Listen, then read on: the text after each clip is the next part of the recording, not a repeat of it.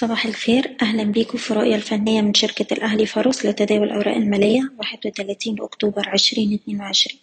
في جلسة امبارح وصلنا لمستوى حداشر ألف ميتين خمسة وأربعين ومن هنا بدأنا نواجه عمليات جني أرباح. قفلنا عند مستوى حداشر ألف ومية. الأداء ده جه بعد صعود متواصل من مستوى تسعة آلاف سبعمية وخمسين وصلنا لحد حداشر ألف ميتين خمسة وأربعين وهنا المؤشر بدأ يعمل نموذج فني بيعي بيشير لاحتمالية مواجهة عمليات جني أرباح. وده طول ما هو بيتداول تحت مستوى خمسة وأربعين. لو حصل تراجع هنشوفه رد فعل طبيعي للصعود القوي اللي مرينا بيه وهيبقى عندنا مستويات الدعم التالية حوالين العشرة آلاف تمنمية وخمسين والعشرة آلاف سبعمية وخمسين. في نفس الوقت مؤشر EGX 70 ما استجابش للطلب وما أكدش اختراق مقاومته كان أداء الأسهم الصغيرة أقل بكتير من الأسهم القيادية.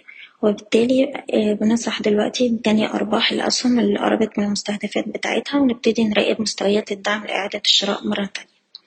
بالنسبة للسي آي بي كان ليه دور كبير في الطلعة دي ووصلنا لمستوى المقاومة الهام تلاتة وتلاتين جنيه ومن هنا بدأنا نواجه عمليات جني أرباح. بقى عندنا دلوقتي مستوى دعم هام عند التلاتين وربع بالنسبة للسويدي وصل لمستوى المقاومة عند التمانية جنيه وسبعين قرش وبدأنا نواجه عمليات تصحيح. أقرب مستويات دعم دلوقتي عندنا هتكون عند التمانية جنيه وخمس قروش ولو حصل كسر ليها هيبقى عندنا سبعة جنيه وتسعين قرش. سهم فوري عندنا مقاومة عند الأربعة جنيه ودي منطقة جني أرباح ومنطقة الدعم هتكون حوالين التلاتة جنيه اتنين وسبعين.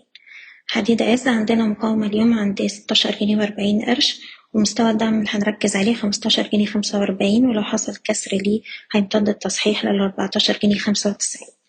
أخيرا GB Auto عندنا مقاومة عند الأربعة جنيه وسبعتاشر قرش ودي منطقة جني أرباح وأقرب مستوى دعم هنبص عليه هيكون حوالين التلاتة جنيه وتمانين قرش.